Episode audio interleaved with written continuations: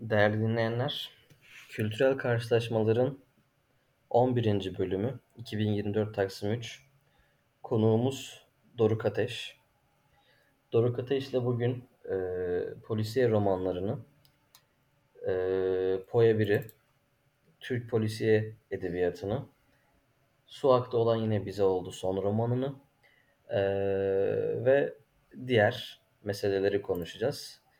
İşin doğrusu benim en çok keyif alacağım şeyler, diğer meseleler olacak. Ee, hoş geldin Doruk abi. Meteciğim merhaba. Nasılsın?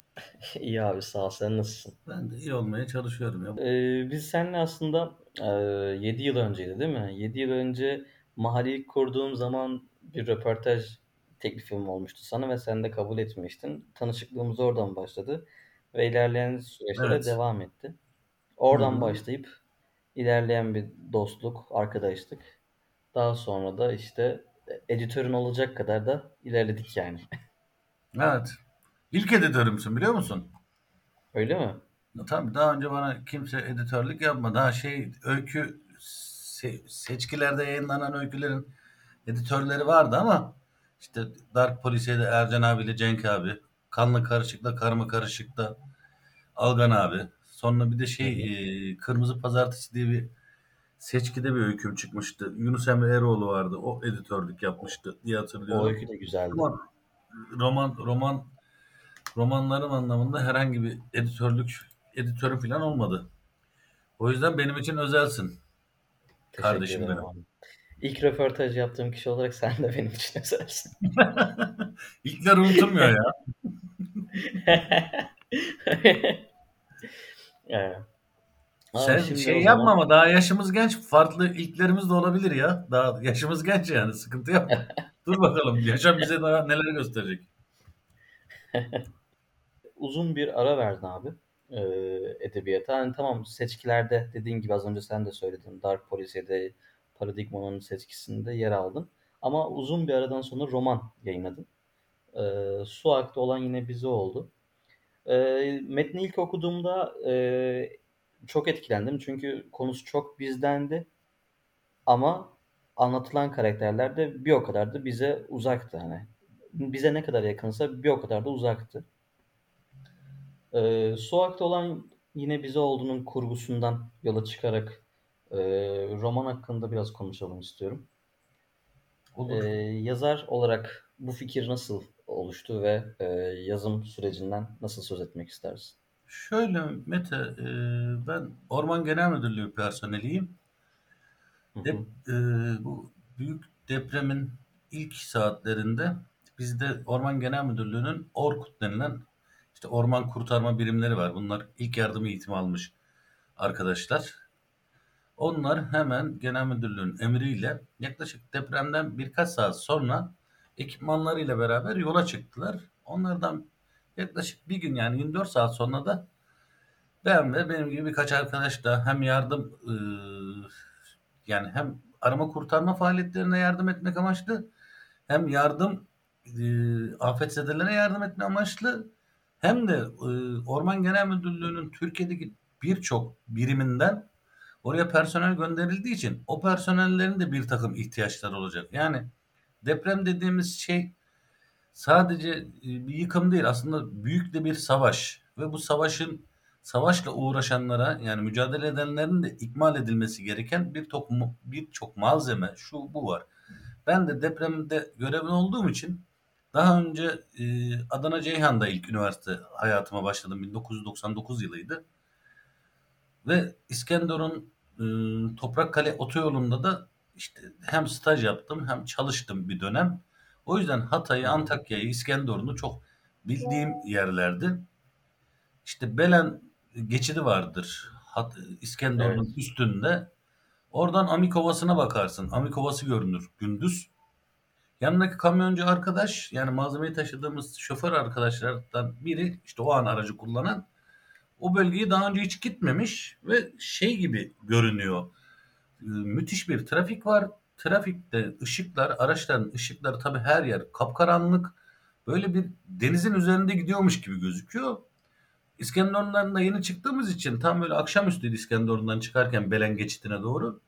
Adam bana döndü şey sordu. Abi de bu araçlar dedi denizin üzerinde mi gidiyor? Amikovası'nı daha önce hiç görmediği için. Ve şunu o an fark ettim. Daha gündüzü yani depremin yıkımını hiç görmemiştim o gece. Ama fark ettim ki gerçekten çok büyük bir yıkıma gidiyoruz. Ve e, işte serin yol fidanlığımız var bizim. Serin yol fidanlığına ulaştık. İşte malzemeyi indirdik şu bu. Sabah uyandım ve Antakya'nın içine ilk girdiğimde yani e, tarifi imkansız bir şeyle karşılaştım. Bu, bu kolay anlatılabilecek bir tecrübe değildi benim için yani. Şehir tamamen yıkılmıştı. Ki ben Antakya'da bir seneye yakında daha önce yaşamıştım. Bundan 22-23 yıl önce. Müthiş bir yıkım ve e, sadece fiziksel anlamda değil, insanların ruhları çekilmiş gibiydi. O, o anda bu yıkımın bir şekilde anlatılması gerektiğini düşündüm. Ama tabii bu şey bir süreç. Yani evet bu yazılmalı dedim ama nasıl yazacağım, ne yapacağım, ne anlatacağım konusunda çok da şey değildim. Emin değildim. İşte bir takım akşamları görev dönüşü işte çadıra, çadır da yoktu da kendimiz bir şeyler yapmıştık. Orada konaklamaya çalışıyorduk. Ha, bir şeyler çünkü depremin ilk günlerinden bahsediyorum yani. Bir şeyler karaladım, bir, bir şeyler uydurdum, bir şeyler şey yaptım, not aldım. Çok sonra işte senin burada senin de şeyin çok önemli katkın. Sen evet abi ben sana ilk taslakları yolladığımda yaz bunu abi demesen inan o da diğer birçok kitabım gibi bir yerlerde bir bilgisayar köşesinde dosya olarak kalacaktı. Yazması da çok zordu çünkü e, bir polisiye bir metin değil, benim, ben, benim yazma şeklime çok uygun bir anlatı değil. Artı kurduğum her cümlenin çok dikkat etmem gerektiğini hissediyordum. Fark etmişsindir. Yani öykü, evet. anlatı bir deprem anlatısı ama hiç deprem geçmiyor. Hiç, hiçbir şekilde deprem evet. sözcüğü geçmiyor. Hiçbir isim yok. Nerede geçtiği belli değil. Kişiler kim, sıfatları var sadece hiçbir isim yok gibi bir takım şeyleri de vardı. Özelliği de var anlatının. Benim temel amacım oradaki yıkımın nedeni, insanlarda yarattığı etki ve fiziksel yıkımdan ziyade bu e, yıkımı yaşayan insanların dünyaya bakışı. Çünkü o yıkımı yaşadıktan sonra hayatın anlamsızlığını çok daha net görüyorsun. Yani hayatın bir anlamı olmadığı çok net bir şekilde anla veya en azından ben öyle anladım diyebilirim.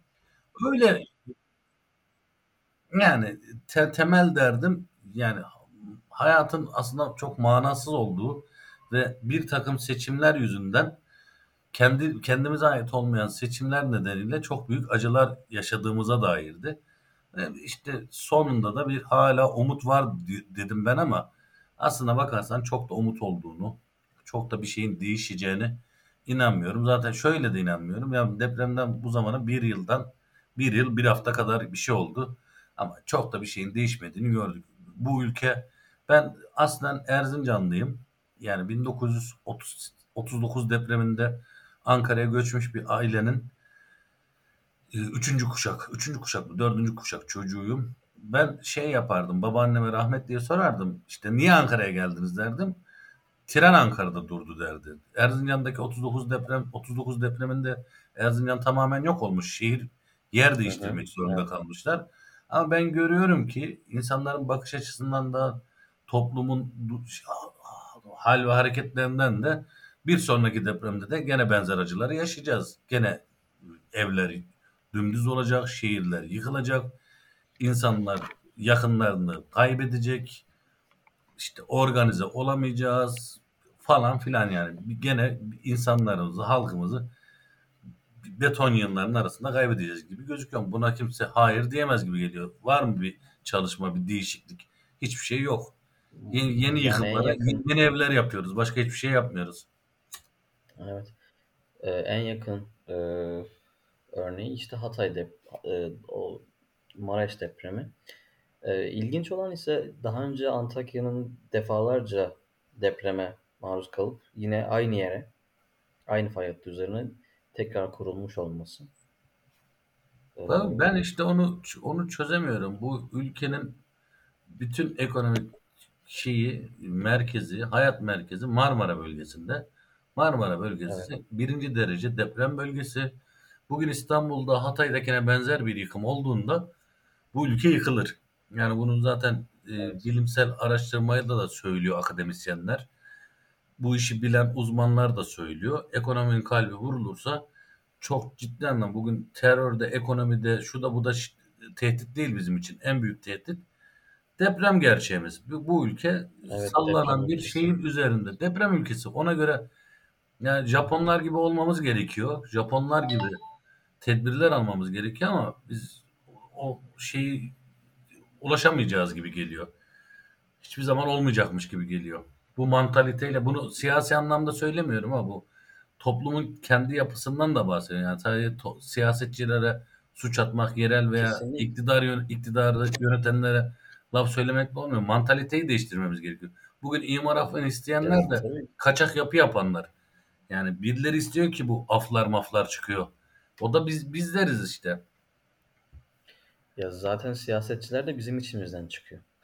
Evet bir de o var yani.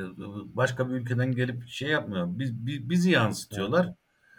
O yüzden çok bir şeyin değişeceğine bir şey olur. Dediğim gibi yani yeni depremler için yeni binalar yapıyoruz biz. Başka hiçbir şey yapmıyoruz. Evet. Geçenlerde bir tweet gördüm. Ee, çok ironikti aslında. İstanbul depreminden kaçıp İzmir'e yerleşen insanlar varmış. Evet. İzmir'de deprem. İzmir'de zaten sürekli deprem oluyor. Evet. En son Bayraklı ilçesi yıkılmıştı.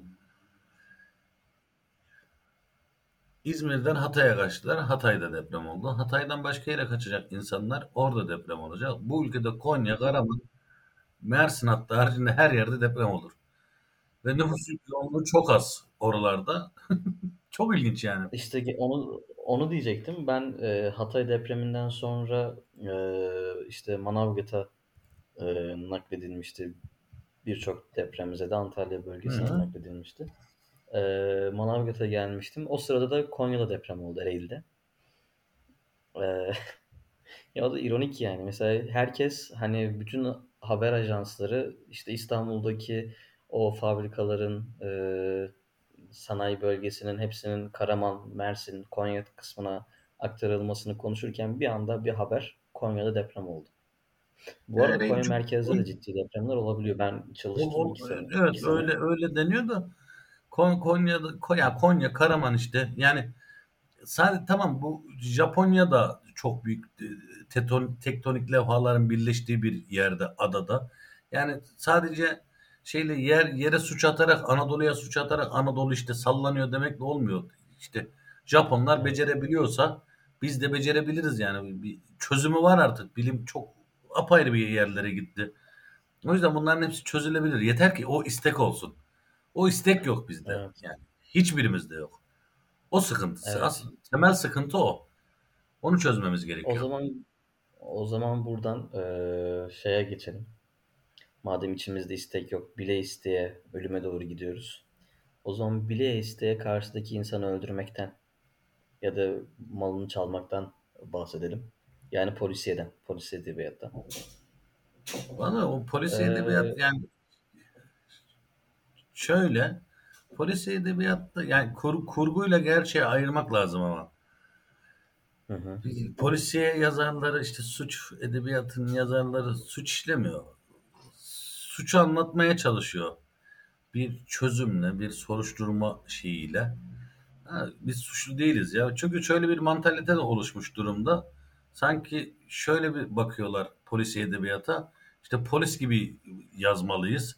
Bu böyle değil, şu şöyle değil. Ya kurduğun dünyada her şey yerli yerine oturuyorsa bir mantık çerçevesinde suçu, suçluyu, soruşturma sürecini her şeyi anlatabilirsin.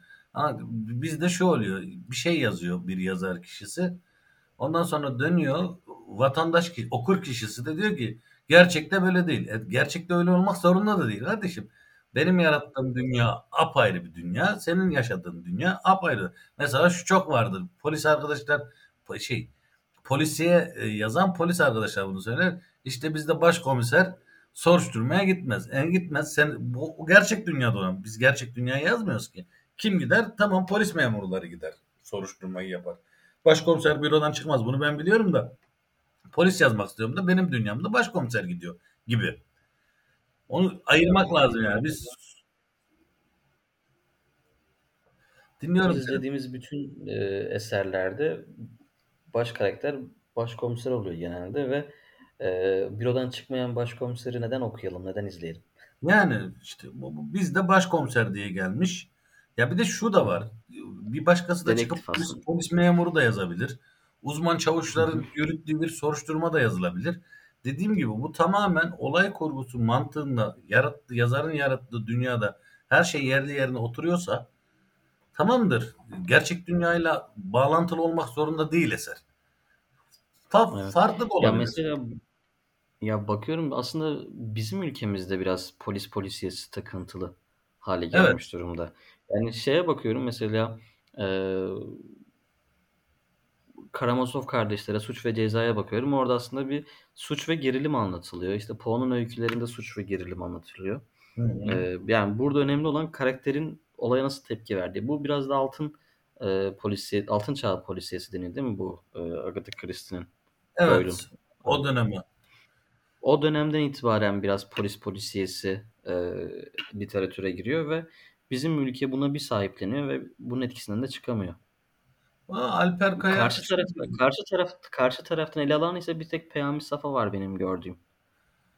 Doğrudur. Yani Alper Kaya'nın bununla ilgili bir tespiti var. Bir çeviri hatasından kaynaklanıyor galiba. Aslında suç edebiyatı den- denmesi gerekiyor bu işe. Çünkü biz suçu suçluyu Hı hı. anlatıyoruz. Ama niyeyse polisiye denmiş ve polisiye sözcüğü de bizim yazmaya çalıştığımız ve ürettiğimiz eserleri tam olarak karşılamıyor. Ondan da bir sıkıntı hı. çıkıyor. Ve po- polis polisiye deyince de ben po- polisiye yazarlar bildiğinin bir dönem iletişim şeyine baktığımda Twitter'da Emniyet Genel Müdürlüğü ile beraber Poya biri de etiketleyenler vardı bir suç görünüyor. Böyle saçma şeyler de oluyor yani. Türkiye Polisiye Yazarlar Birliği ne yapabilir kardeşim? Ülkede işlenen suçla ilgili. Mete tweet atmış. Ondan sonra şey yapıyor. Poya biri etiketliyorlar. Çok komik komik.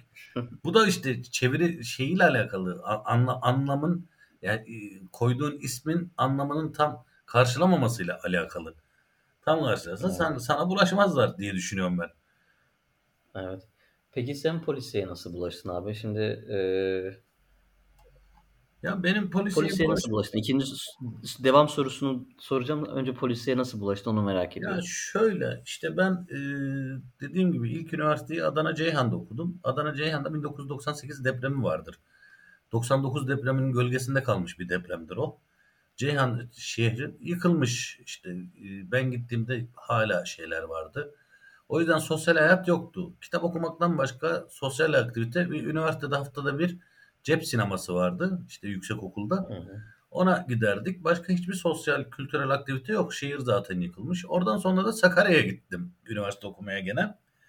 Öğretmenlik okumaya. Ona da bildiğin üzere 99 depreminde yıkılmış bir şehirdi. Yakalandın. Evet. Ee, ve gene sosyal hayat anlamında hiçbir şey yok. İşte ilk başlarda yaşadığım mahalleden işte kendi ailemden, çevremden kaynaklı daha çok e, gazete kağıdıyla kaplı kitaplarla okuma sürecim başladı.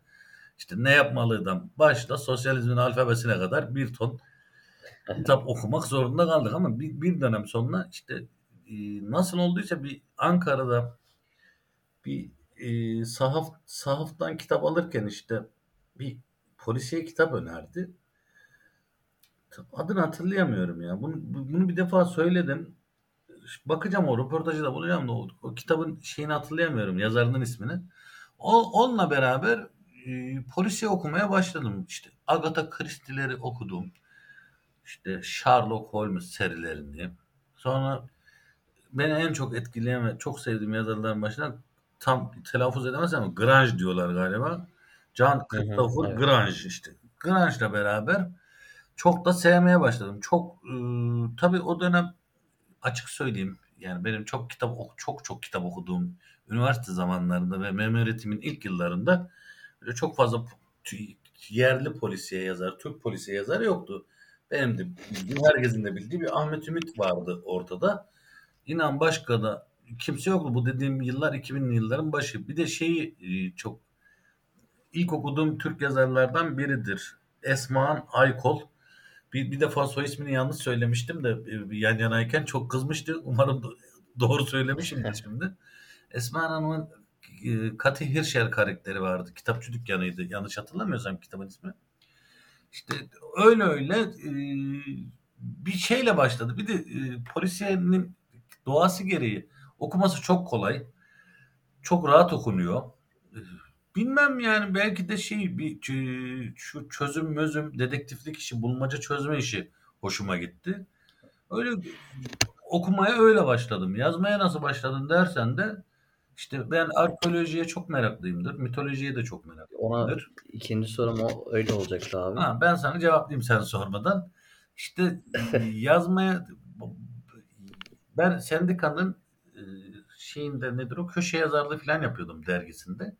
Bir takım sosyal meselelere eğiliyordum. Bundan sonra işte bir şeyler karalama güdüsüyle bir şeyler yazmaya başladım ama bu, bu nasıl şeye evrildi, polisiye evrildi inan ilk başta ben de bilmiyorum ama bu muhtemelen oku- okumamla alakalı. Yani okuman sürekli polisiye olduktan sonra çünkü bir dönem polisiyeden başka hiçbir şey okumuyordum.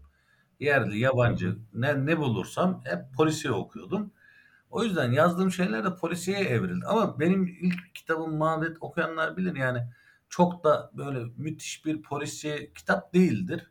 Çok beğen, beğen okuyanlar çok çok çok beğenirler ama evet yani daha çok bir gerilim kitabıdır. Arkeolojik bir metindir. İşte bir mabet var. Mabeti koruyanlar var. Onu arayanlar var. Hırsızlar var. Ülkemizin çeşitli insanları var. Ölü Doğanlar'da ise tamamen e, bilinçli, tercihli bir cinayet, cina- cinayet romanı, Ankara polisiyesi yazmaya çalıştım. Onu bilerek de yaptım. Aslında en sevdiğim romanın da şeydir, Ölü Doğanlar'dır ama işte onun da devamı bitmek üzere. İşte bitecek falan filan. Böyle başladı ya polisiye şeyi bende. Bir de e, metinlerinde hem işte mabette e, mitolojik e, ve arkeolojik işte kalıntılar var. Mitolojik bahsetmeler, söz etmeler var. E, bu Suak'ta olan yine bize olduğu da var. Bir de mitolojiye de merakın var senin. Ya şöyle nasıl söyleyeyim şimdi bir mezarlığın yanında büyüdüm ben. Ya, e, bence Nerede? ilk Karşıyaka mezarlığı yok Cebeci Asri mezarlığının yanında büyüdüm. Ben ben büyürken daha Karşıyaka mezarlığı şeydi yeni bir mezarlıktı. Hı, Ben lüks Cebeci, yani ha. Cebeci Asri mezarlığının yanında büyürken en büyük şeyim böyle mezar taşlarını okumaktı. Çünkü mezar taşları bence böyle bir araştırma var mı bilmiyorum ama ilk edebi anlatılar da mezar taşlarına yazıyor. Çünkü kral mezarlarından tut bütün bulunan layitlere, şunlara bunlara eski çağlardaki mezarlarda da bir kahramanlık öyküsü, bir, bir şey öyküsü. Bugün Türk mezarlarında da vardır.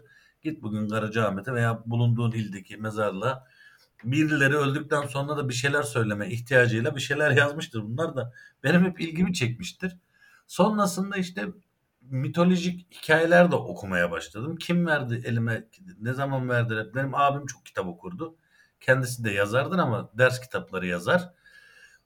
Okumaya da yönlendiren oydu. Ee, İnsanlık tarihinde derin köklere sahip ve insan deneyimi anlamak için çok güçlü bir araç aslında mitoloji. Yani mitolojiyle e, tarihin, uygarlıkların köklerine dair e, şeyleri, ögeleri görebiliyorsun. O yüzden Hı hı. anlattığım hikayede eğer bu şeyde mabette Karya uygarlığını anlatıyordum. O yüzden Karya mitolojisi işte eski Yunan mitolojisine yakındır onların mitolojik Hı. hikayeleri de anlatımlarda. E, şeyde de nedir o? Ee, Suat'ta olan yine bize oldu da her ne kadar Anadolu ismi bile geçmese bile o hikayenin bizim ülkede geçtiğimiz e, kör olsan bile farkındasın. O yüzden de Türk mitolojisinden bir şeyler kullanmayı uygun gördüm. Ben bir de seviyorum mitolojik şeyleri, anlatıları, hikayeleri, karakterleri böyle çok şeye olayın içine katmadan ama bahsetmekten hoşlanıyorum. Öyle söyleyeyim. Yani. Mitolojik karakterler iyidir. Ee, yani bu konuda da yine polis, bizim Türkiye Edebiyatı'ndaki polisiye metinler zengin. Ahmet Ümit'in e, kitapları çok fazla mitoloji ve arkeolojiden besleniyor.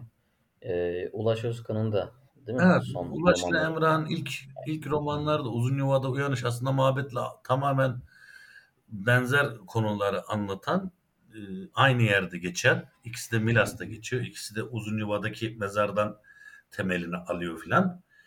E, şey var ama Ahmet Ümit'in kitaplarını okumadığım için bir şey diyemeyeceğim ya. Ahmet Ümit'in kitabını okumadım. Bir tane kitabını okumaya çalıştım. Beni çok sarmadı. Kötüydü filan demiyorum. Ben hadsiz değilim o kadar.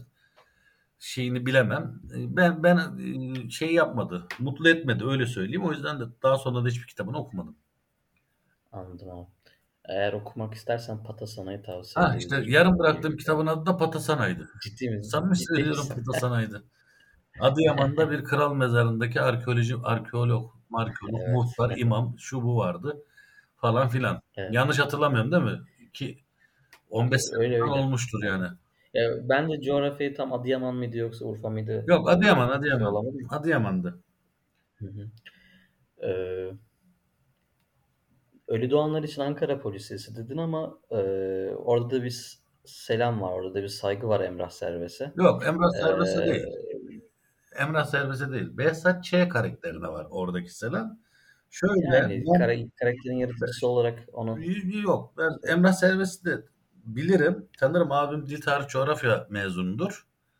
O yüzden Emrah Serves'i e, yazar olmadan önceden de tanırım. Yani işlediği suçtan filan da şey değilim. Yani bu noktada. Temel derdim şu. Oradaki selam şuna ben Behzat Ç. dizisini Behzat Ç. kitaplarından ayrı tutuyorum. Yani Hı hı. diziye ve dizideki Behzat Ç. karakterine şey var. Orada selam var. Hı hı. Çünkü e, romandaki Behzat Ç. ile dizideki Behzat Ç. çok farklı kişiler. Ben Erdal Beşikçioğlu'nun da ciddi bir hayranıyımdır. Çok da iyi yansıttığını düşünüyorum. Ha- yani ben e, o dizinin ilk yapılış yerinde bir yetkim şeyim olsaydı açıkçası kitaptaki Behzat Ç. karakter için Erkan Can'ı öğrenirdim. Benim kafamda hep öyle kalmıştır. Erkan Can gibi kalmıştır şey Hı. okuduğumda. Bu arada Emrah'ın da ilk okurlarından biriyimdir. Daha kimse Behzat Ç. dizisini falan bilmeden işte e, Evrensel Kitap Evi'nde e, kitap evinin sahibi vermişti benim polisiyeleri sevdiğimi bildiği için okumam için. Yani satın almıştım. Dosya halinde mi yoksa kitap halinde mi? Tabii tabii kitap halinde, kitap halinde ya. Ya- Yayınlandıktan bir hafta on gün sonra almışımdır kitabı. Yani hiç kimsenin bilmediği bir zamanda okumuşum. Çok da sevmişimdir. Kitapları da bence Hı hı. e, da- daha iyidir şeyden, diziden anlatılan hikaye ama dizi apayrı bir iyidir. Dizi dizi olarak çok iyi, kitap kitap olarak bence iyi. Selam verme meselesi de şöyle işte e, senin karakterin organize amiri değil mi? Yok, uyuşturucu, narkotik şube amiri. Şey, narkotik şube amiri. Ama e, Behzat o sıra işte görevde olmadığı için Hı hı. emniyet müdürü senin karakterinden rica ediyor Evet. savcıya. Yani işte orada e, şey demesinler diye lan bu adam narkotik şube amiri niye e, cinayet soruşturması yürütüyordu? Cevabı o. O olsun diye öyle. Ben okurken okurken çok e, beğenmiştim bu şey davranışı. Yeri gelmişken de söyleyeyim. Teşekkür ederim. Şimdi Ölü Doğanların ikincisi gelecek dedin. Hı hı. E, ne durumda peki o? Yazdığın Yani- taslak halinde mi yoksa yazdığın son okuma halinde? Yani şey dur, dur, finalini yazmam lazım. Bir 5-6 bin kelimelik bir şey bir izin almam lazım 10 gün. 10 gün izin alacağım. Kaç kelimelik? Kitabın tamamı mı? Ben öyle bilemem. Yok yok şey e, final şu kadar kaldı. 3-5 bin kelimelik bir şey. 10 günde yazacağım bir şey. Hı. Çok aman aman bir şey kalmadı yani. Kitabı y- 70 defa filan tekrar tekrar okudum. Hem Ölü Doğan'ı hem onu. Çünkü devam kitabı. Bir önceki kitaptan da şeyler var. İzler geliyor filan. ipuçları filan var. Ama iki kitabın arasında 8-9 yıl olunca ilk kitabı okuyanlar bir daha okumak zorunda kalacak. ikinci aldıklarında. öyle, öyle de bir sorun olacak yani. Ama bitmek üzere. Ya ben öyle öyle e, bu ikinci kitabı da çok merak ediyorum. E, Ölü Doğanları ben ilk okuduktan sonra da birkaç defa e, elime aldım. Hı hı. Hatta e, okunmasına da çok gayret ettim. 5-6 kişiye de okuttum zorla. Doğrudur. Eski kız arkadaşlarıma falan. Ya benim zaten şöyle bir şeyim var. Ben ne reklamım var ne bir şeyim var. Birçok yazar arkadaş gibi. Biz, biz- bizim şeyimiz reklam aracımız okurlar. Yani met, metni beğendik, beğendiler. Öyle biraz satar gibi oldu, okunur gibi oldu. Yoksa bizim bizim kim bilecek de Doruk Ateş'i alacak da kitabını okuyacak da Şöyle e, hatırladım bak mesela e, bizim derginin genel yayın yönetmeni Melike Kara Gevze'de bir okulda öğretmen, Hı hı. e, edebiyat öğretmeni. E, işte kitap okuma saatleri falan yapıyorlar ve senin kitabını getirmişler okumaya. İşte hani bizim yayın evinden de senin kitabın çıktığı için Hı hı. isminden tanımış ve bana fotoğraf attı. Öğrencim getirmiş. Ölü doğanları mı getirmiş? Ölü doğanları getirmiş. O harika. Yani cidden cidden mutlu oldum. Gün gelecek Şimdi- milyonlar gene okumayacağım ben Mete. Yani okunacağım. bir kenarda köşede birileri okuyacak. Ve mutsuz da değilim ya. Keşke çok okunsak sadece ben değil. Birçok hak eden arkadaşım maalesef çok okunmuyor. Mesela Günay Gafur, Ulaş. Hı hı. Ulaş'la Emrahlar çok okunmuyor. Gençlerden Aras var, Melih var, Alper var. Yani birçok adam okunmuyor. Yaşlı tayfayı geçtim artık. Onlar artık okunmasa da olur da gençlerde en azından ok- okunsa çok iyi olur diye düşünüyorum. Ama bakalım ya belki bir şeyler değişir. Deprem hikayemizde olduğu gibi onu değiştirirsek okunma şeylerini de değiştiririz gibi geliyor ama bir de şöyle de bir şey var. Ben yani basılı edebiyatın artık dijitale dönmek zorunda olduğunu, e-kitaba dönmek zorunda olduğunu da düşünüyorum. Gitgide basılı eserler elimize alamayacağız. Ama yazmaya, Ya- anlatmaya insanlar insan var olduğu sürece beri, beri anlatmaya ihtiyaç duyuyor. O yüzden de insan dünyadan yok olana kadar da anlatmaya devam edecek. Sadece şekil değişecek. Kesin. Ee, ya bugün Kültür ve Turizm Bakanlığı e, açıkladı. ISBN alımlarında yani kitabı bandrol alımlarında 2023 yılında dev bir artış olmuş. Ya o Yani şundan ama şundan kaynaklı. kitap yayınlıyoruz. Şöyle bizim ülkemizde yazardan şey okurdan çok yazar var. Ben sana şunu söyleyeyim. Samimi söylüyorum bunu. Birçok kişi yazdığı kitabı kendi yazar olarak bile okumuyor. Bana öyle geliyor. Yani böyle bir saçma onunla ilgili şöyle bir var. şey Onunla ilgili şöyle bir şey söyleyeyim. Benim Sarı Vos işte yayınlanalı neredeyse iki sene olacak. Hı hı.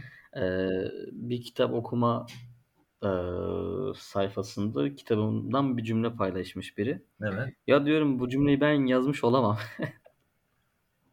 Sonra Word'u açtım baktım evet bu cümleyi ben yazmışım. İyi sen gene yazmışsın yani o kimdi Ataol Berhamoğlu'na Twitter'da diyor işte yazmışlar bir tane aforizma. Altına da Ataol Berhamoğlu yazmışlar. Ataol Berhamoğlu da benim böyle bir cümlem yok demiş. Onu yazan da altına şey demiş. İyi bak sen yazdın demiş. Yani yazmamış da olabilirdin yani. Çok, oluyor böyle şeyler bizim ülkemizde. Şimdi buradan eee, şeye geçelim. Madem okur sayımız bu kadar azaldı eee, ve dijitale geçmesini savunuyorsun. Yeni bir dijital dergimiz var artık bizim. Eee polisiye edebiyatta şu anda bilinen iki tane edebiyat dergisi varken sizinki de üçüncü dergi oldu. Evet.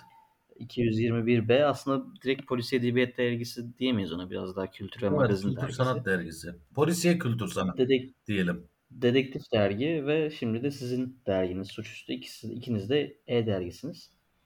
Evet. Ee, nasıl ekip bir araya geldi ve çıkarma kararı verdiniz? Şöyle anlatayım. Yani ben Alper bir gün aradı. Dedi abi böyle böyle bir e, proje var kafamda. Nasıl dedi? Destek olabilir misin dedi.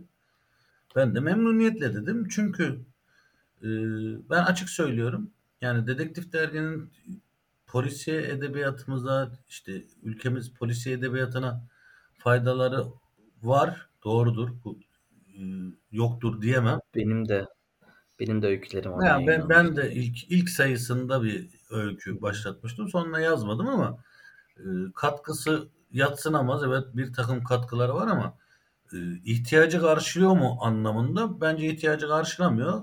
Çünkü e, çok amatörce hazırlandığını düşünüyorum. Beni buradan dinleyen dinley- dinleyecek olan Dedektif Dergi'nin işte yayın kuruludur, kurucusudur, bilmem necisidir. Yanlış anlamasın ama 8 yıldır yayınlanan bir derginin daha profesyonel olmasını ister isterim ben. 221 b zaten e, ilk baştan beri oldukça şey nedir o? iyi, iyi bir dergi. Polisiye biraz polisiye biraz da sırt çeviriyor aslında bence. Ya evet gibi. yani son 2-2,5 yıldır çok takip etmiyorum açıkçası 221 Bey'i. Daha doğrusu pandemiden sonra. Çünkü bir, bir dönem erişememe sorunum olduydu. Sonra unuttum gitti ama Dedektif Dergi ilk yayınlandığı günden beri 48. sayısını ne yayınladı? 48 sayısında okumuşumdur. Bakmışımdır ne yapıyorlar ne ediyorlar diye. Ha, işte o amatörlük şeyinden kurtulamadı. Ben A- Alper bana bunu söylediğinde de ilk söylediğim şey şu oldu. Evet Alper bunu yapalım. Gerçekten bu yönde bir ihtiyaç var. Ama bunu iyi yapabileceksek, nitelikli bir şey ortaya çıkarabilirsek yapalım diye konuştuk. Ve çıkan ilk sayı itibariyle ben cidden yani bu kadar beklemiyordum diyebilirim. Öyle o, o kadar iyi bir e, ürün ortaya çıktı. Ve bunu da daha da ilerletmeyi düşünüyoruz. Çünkü polisiye yazanlar da, polisiye okuyanlar da e, ihtiyaç duyuyor bu tür dergilere. Yazanlar için şöyle artılar oluyor. İşte daha fazla kitleye ulaşmak için çok fazla argümanımız yok bizim. Elimizde çok fazla bir şey yok. Bu, bu tür dergilerin birinci katkısı yazan kişileri daha çok görünür kılıyor. Okur içinden de okur içinde şunu sağlıyor.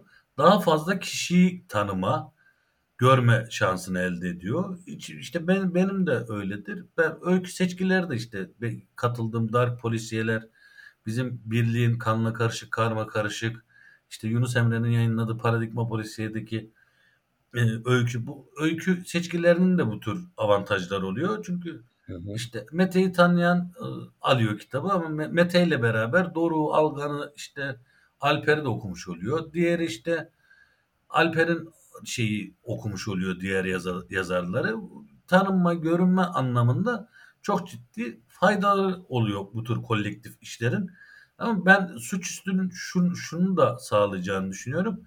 Ülkemizde e, polisiye edebiyatın gelişmemesinin bir, bir, bir nedeni de iyi yani iyi dedim nitelikli yazarların çok göz önüne çıkartılmaması. Bir takım kişilerce bugün ülkede hala 3-5 kişinin ismi geçiyor polisiye denince ama öyle değil. Çok çok daha iyi yazan arkadaşlarımız var. Bunların görünmesi açısından da çok iyi oluyor. Bir de nitelikli edebiyata, nitelikli anlatıya da çok ciddi anlamda ihtiyaç var. Ben işte söyledin ya e, 221 B'yi çok takip etmiyorum artık ama dedektifin bu şeyi doldurduğunu düşünmüyorum. Bir de şöyle bir şey oluştu dedektif dergide. Ya sanki e, polisiyenin şeyi onlar nedir o? Kralı onlar, her boku onlar biliyor. Diğer insanlar hiçbir şey bilmiyormuş gibi şey yaptı. Bir en sonunda bir son sayılarında da çok saçma sapan bir şey yayınlamışlar işte. Kötü kötü polisiyeler diye bir ya dedektif derginin şeyi demişler yazarlarından beğenmedik beğenmedikleri polisiyeler tamam beğenmedi çok net herkes beğenmediği şeyi söyleyebilir ama bir e, yazara veya bir esere kötü demek için bunu altını doldurman gerekir. Bir de ben şunu her zaman söylerim işte okur görüşü, okur yorumu, eleştiri benim baş tacımdır ama bu eleştirinin kimden geldiği de benim için çok önemlidir yazmışlar kafalarına göre bir şeyler ama ya bir insan dönüp kendisine bir bakmalı. La kardeş ben bunu yazıyorum da hani ben bunu söylüyorum ama ben kimim demeli. İlk önce sen nitelik olarak kendini dolduracaksın. Ondan sonra bir şeyler söyleyeceksin ama bizim ülkemizde zaten herkes her bildiği için onlar da çok normal bir şekilde işte kafalarına göre kötü polisiyeler falan demişler. Halt etmişler. Onu söyleyeyim yani. İnşallah beni duyarlar. Halt etmişler. Öyle değil o işler. Diyorum. Buradan da kendilerine cevap hakkı doğdu. Cevap hakkını Ee, Twitter'dan istedikleri- kullansınlar ya sıkıntı yok. Arayıp söyleyebilirler de. Hepsinde telefon numaram var. Ee, buradan da selam olsun. Ulan burada bizden onlara selam. Ya ben şey bir insanım nedir o? Şöyle çok e, işten pazarlık falan bir biri değilimdir. Beni tanıyanların hepsi bilir. Ben içimde fazla bir şey tutmam. Bir şey söyleyeceksem söylerim yani. Belki yeri bura değildi. Burada söylenmemesi gerekiyordu bunların ama hazır yeri gelmişken söyleyiverdim. Kusuruma bakma. Estağfurullah abi. Dediğim gibi kendilerine de cevap hakkı doğdu. İstedikleri zaman kullanabilirler. Kullansın. Ee, başka bir e, örgütünüz de var sizin. Doruk Bey. Evet. Aynı örgütmüş zamanda o? çok örgütlü bir insansınız. Poya 1. Evet. Poya 1 ilk önce Poyader ismiyle kuruldu. Yok ilk önce sonra ilk, da ilk baştan beri Poya 1'di. Bir dönem dernekleşme için Poyader ismini de kullandık ama sonra gerçekleş e, derneğe kuramadık. O yüzden Hı hı. e, bir kafa karışıklığı var orada ama Poya 1 kurulduğu günden beri Poya 1 Türkiye Polisiye Anladım. Yazarları Birliği. Hı. Dernekleşemedi. Peki, bu e, meslek örgütü nasıl ortaya çıktı? Fikir nasıl ortaya çıktı ve nasıl bir araya geldiniz? Vallahi şöyle ben, benim, benim açımdan benim anlatacağım hikaye şöyle.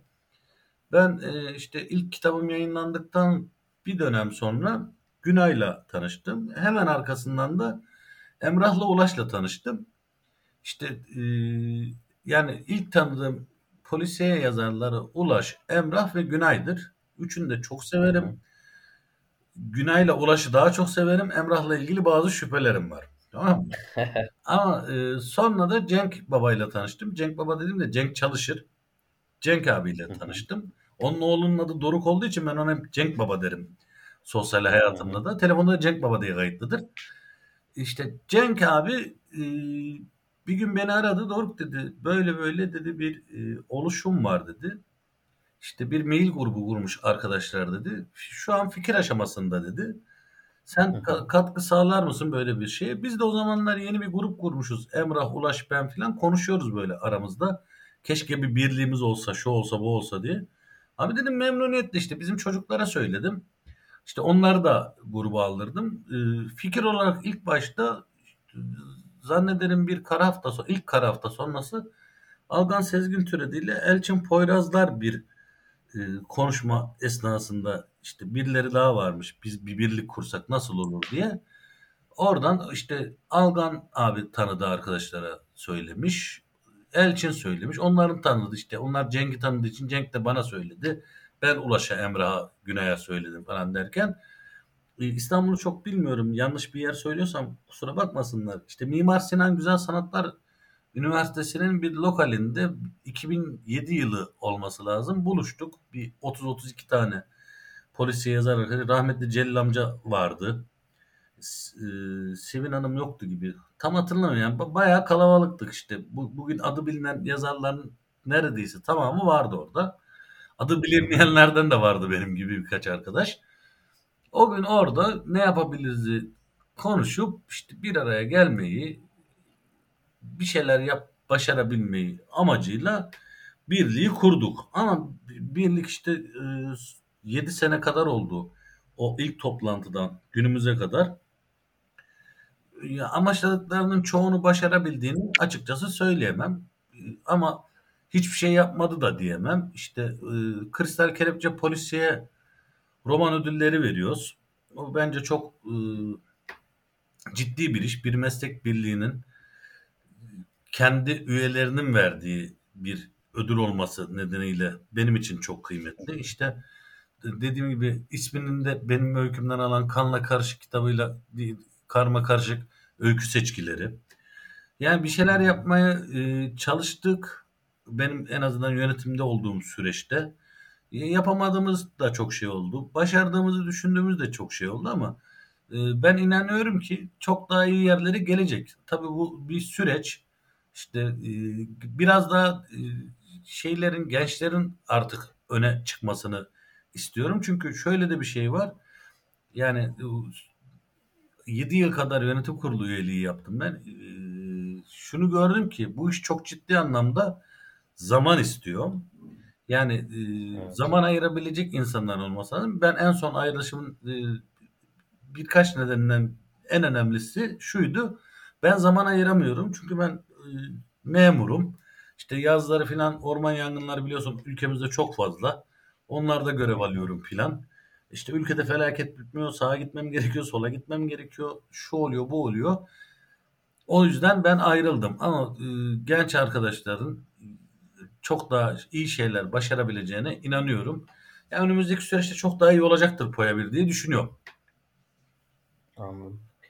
Ee, Umarım daha iyi yerlere gelir çünkü e, ciddi anlamda orada da bir emek var. İşte her sene ödül verilmesi, toplanılması, toplantı yapılması. Ya ihti- Ee, böyle bir meslek birliğine ihtiyaç da var. Kesinlikle. ihtiyaç da var. İşte e, dernekleşebilmekten ziyade şimdi bir bir e, sen Kültür Bakanlığı personelisin. Belki ben benden daha iyi biliyorsundur. Meslek birliğinin kurulmasıyla ilgili bir 8-9 ay önce bir yönetmelik yayınlandı işte. Kanuni altyapısı oluşturuldu o işin.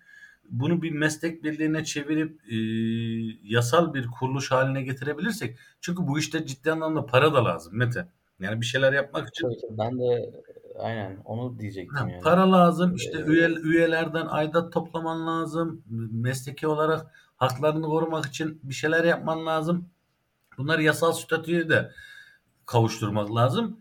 O, o olursa e, Türkiye Polisiye Yazarlar Birliği çok çok daha iyi yerlere gidebilir. Çok daha e, hem üyeler üyelerine hem okurlara katkı sağlayacak işler yapabilir diye düşünüyorum ama dediğim gibi bu bir süreç.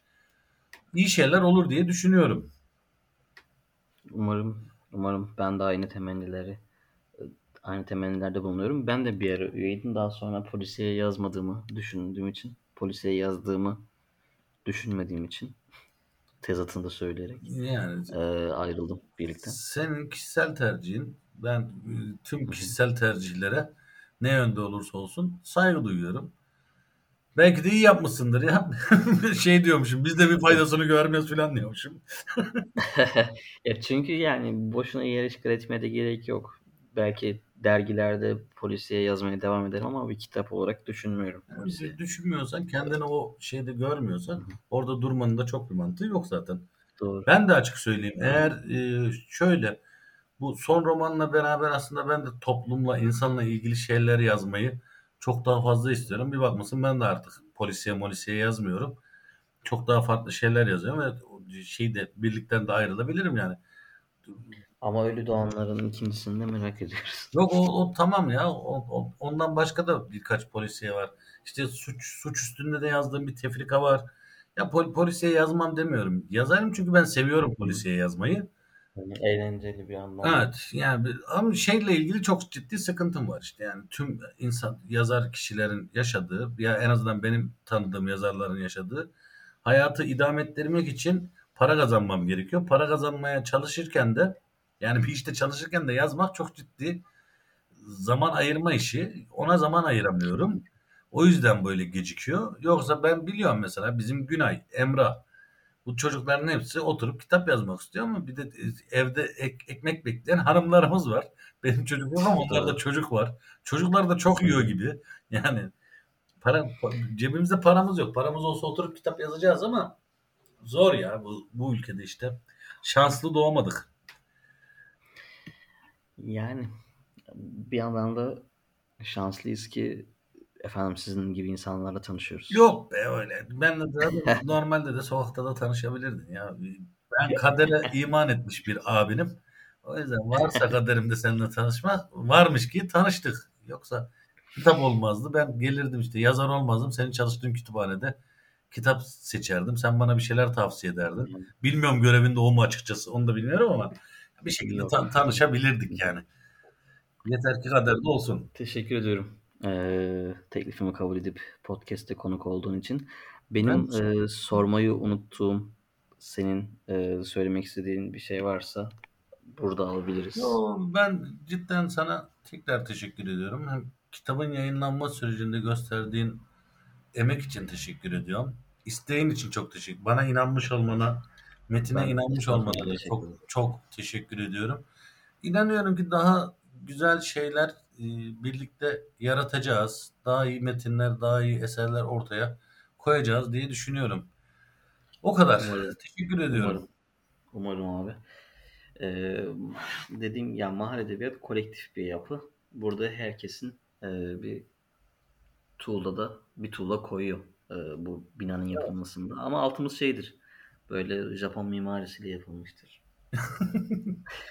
Umarım öyledir. Göreceğiz daha çok yenisiniz. Ee, bakalım. Değerli dinleyenler, Kültürel Karşılaşmaların 11. bölümünde konuğumuz Doruk Ateş'ti. Dinlediğiniz için teşekkür ediyoruz.